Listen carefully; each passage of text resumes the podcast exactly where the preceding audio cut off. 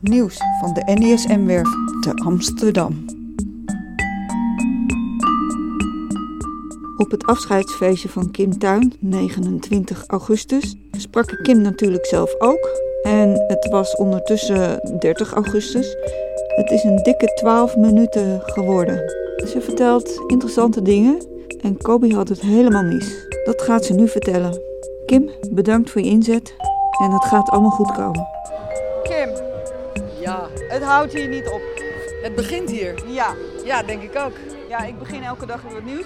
Dat is sowieso een heel goed idee. Daar hou ik van. Ja. Ja, iets nieuws beginnen. Yes! Ik heb net Kobi gesproken. Ja, Ik zei, wat wil je nou met dit gebied? Wat daaruit kwam was, nu is de crisis klaar, dus nu gaan de woningen komen. ja, maar die komen voornamelijk op West. Dat is besloten. Dus en nu ligt er een, eh, een soort voorstel voor 300 woningen op Oost.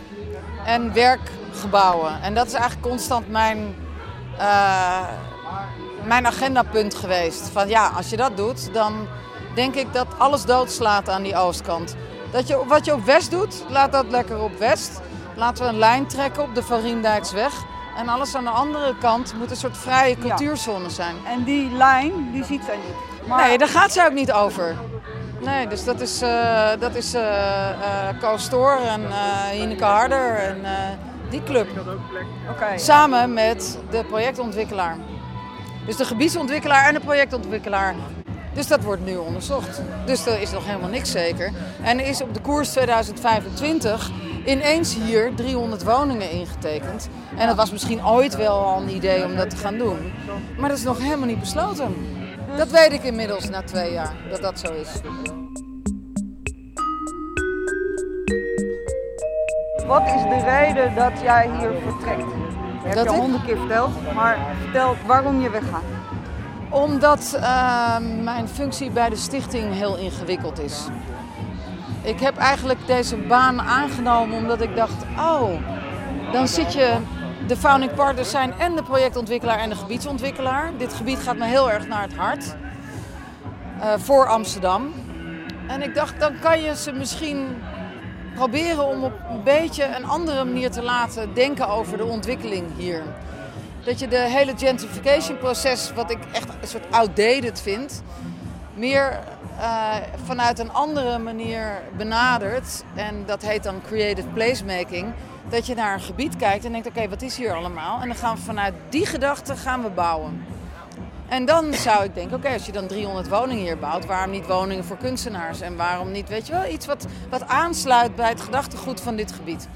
En er zijn misschien in de wereld allemaal lege plekken die ook echt leeg zijn en geen identiteit hebben. Maar de NESM heeft zo'n sterke identiteit met de hele historie als scheepswerf en met alle kunstenaars die ernaar zijn gekomen.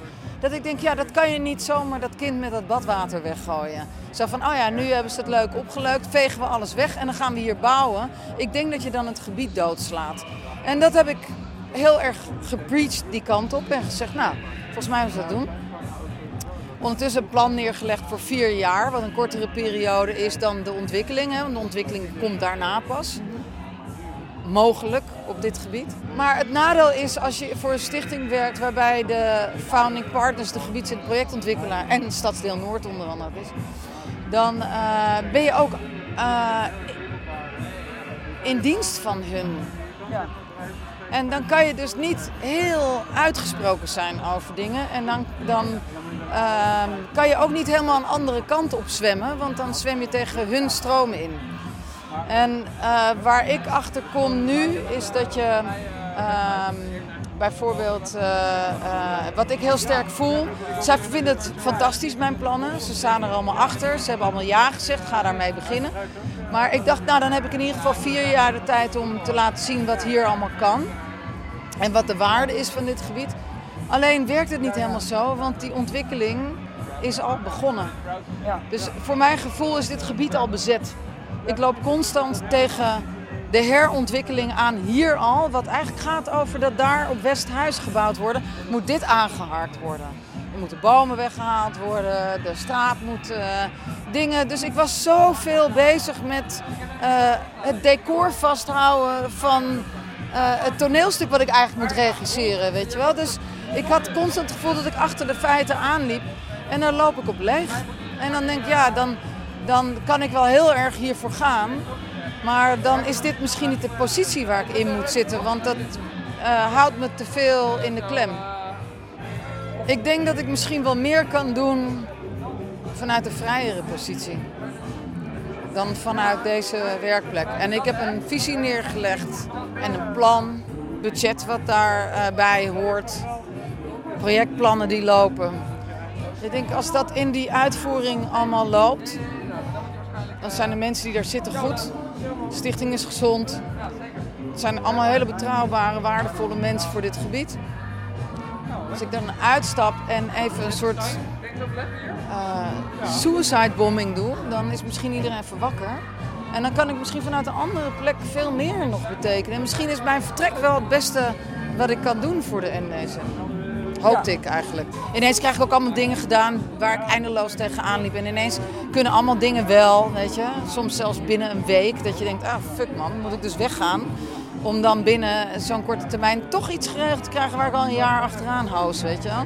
Dus uh, ik, het voelt als een goede beslissing. Het voelt alsof het effect daar is. Het kan zo zijn dat na de recessie iedereen het is vergeten. En het, uh, dat weet ik niet. Ik hoop het niet. Maar wat ik ook merk is dat jullie en een heleboel andere mensen, maar ook zelfs binnen de gemeente mensen, het nu zelf gaan uitdragen en daar eh, wat actiever in zijn. En eerst was het heel erg mijn strijd, weet je. En nu is het veel meer onze strijd geworden. Dat alleen al is een heel positief effect van het weggaan. Klinkt heel raar, maar toch voelt het zo. Op allerlei lagen voel ik uh, een soort uh, uh, mensen aanhaken. En, en het is een signaal wat er hiermee afgegeven wordt. En dat signaal was hard nodig. Want ik denk dat als ik door had gewerkt totdat ik met mijn gezicht in de modder had gelegen, dan had ik niet uh, dat signaal meer kunnen afgeven. En dat kan ik nu vanuit een veel sterkere positie wel doen. En, uh, en dan wordt er wat meer geluisterd, denk ik. Uh, maar zoals ik zeg, ik weet niet hoe dat eindigt. Of, hoe dat, of daar nu, of dit baanbrekend gaat zijn. Of dat er in één keer anders wordt nagedacht. Maar ik weet wel dat er nu bij de raad allerlei vragen gesteld worden. En de verkiezing komt eraan, dus qua timing is het misschien wel heel handig. Ik probeer ook de cijfers naar boven te halen over hoe belangrijk dit is voor de stad. Ja. Letterlijk.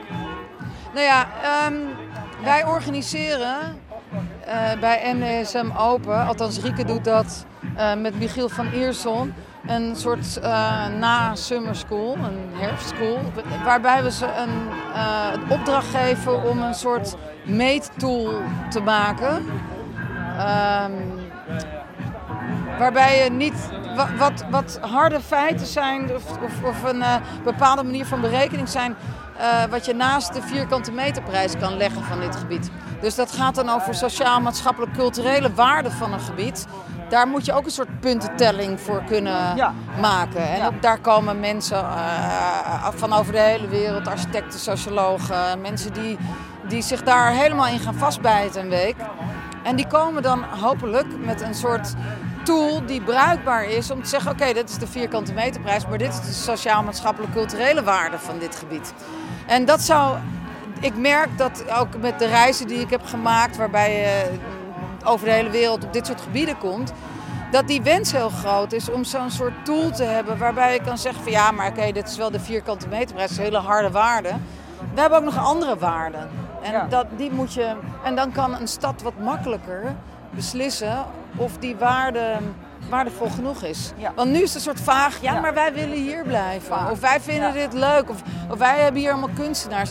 Dat is, dat, dat is nu al zo ingeburgerd dat die kunstenaars eh, activeren en weer weg moeten. En ik denk dat dat soms ook goed is. Hè? Ik bedoel, bij Trouw uh, wisten we dat ook. Dat, dat, wij brengen cultuur en ja, de, de, koffietentjes schieten uit de grond daar. En, dan, uh, en op een gegeven moment ga je weer weg, ga je naar een nieuwe plek. En dat is voor een club is dat heel goed. Dat je er op deze plek niet zo mee om moet gaan, omdat deze plek veel te waardevol is voor de stad. Dit is een, uh, een plek waar organische groei kan plaatsvinden.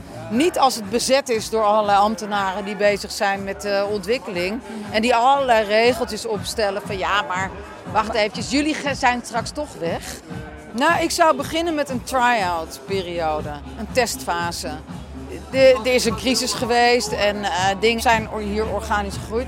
Maar dat voelt niet alsof zij daar op een bepaalde manier een soort controle over hebben gehad. En ik denk dat het nodig is om te zeggen, geef ons die ruimte. Laat dit gebied beheren door de twee stichtingen, die doen het al jaren. Laat ze kijken hoe, hoe zij in naam van de gemeente, whatever, eh, hier de boel runnen. En ga eens kijken of, hoe waardevol dat is voor de stad. Maar ik denk wel dat je met vier jaar al een soort basis eh, kan leggen. Ik denk namelijk dat op het moment dat je gezegd het moet voor 20 jaar. Wie, ga- wie gaat dat geven? Dit is een landelijk dingetje. Nou, het is een internationaal dingetje. Maar ik heb hier met gebiedsontwikkelaren rondgelopen uit andere landen, ook uit Scandinavië bijvoorbeeld. Die echt met pijn in hun hart zeiden: Wij hebben dit soort gebieden helemaal volgebouwd. En dat zijn de mensen die, die je eigenlijk moet hebben als bewijs. Om Ja. te zeggen: van ja, wacht eventjes. Maar je- Eh, jij- Jullie hebben het helemaal volgebouwd. Maar, dat, maar je, kan, je kan goede en minder goede voorbeelden vinden, nationaal, internationaal. Waar het goed ging en waar het slecht ging en wat wel en niet werkte. Amsterdam moet in die end hun eigen keuze maken. Wij willen eh, zo'n gebied hebben.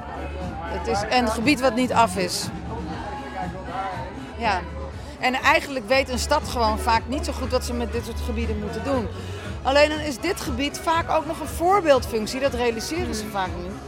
Voor heel veel van dat soort gebieden. Want wij zijn verder ontwikkeld. Weet je hoe vaak ik wel niet eh, bij Gent of mensen uit andere steden hier zijn gekomen om te kijken van, oh, moeten wij niet ook zo'n stichting? Of moeten wij niet ook, eh, weet je, dit is een heel goed voorbeeld. Amsterdam mag er trots op zijn.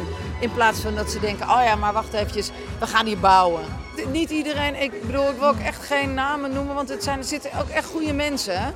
Alleen het is een soort mayhemgolf van we moeten ontwikkelen en we moeten bouwen.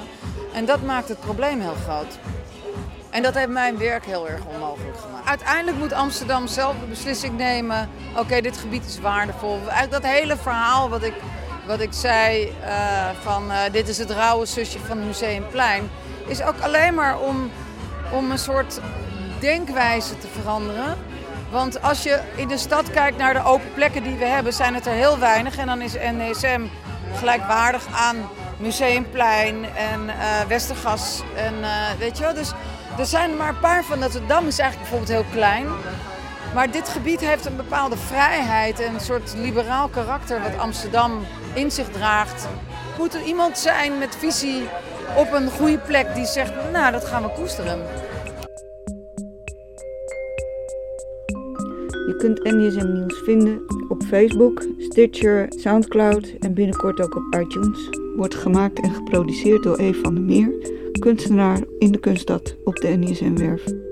De muziek is gemaakt door Winnie Mensink, techniek Michiel Slager, speciaal voor NDSM Nieuws.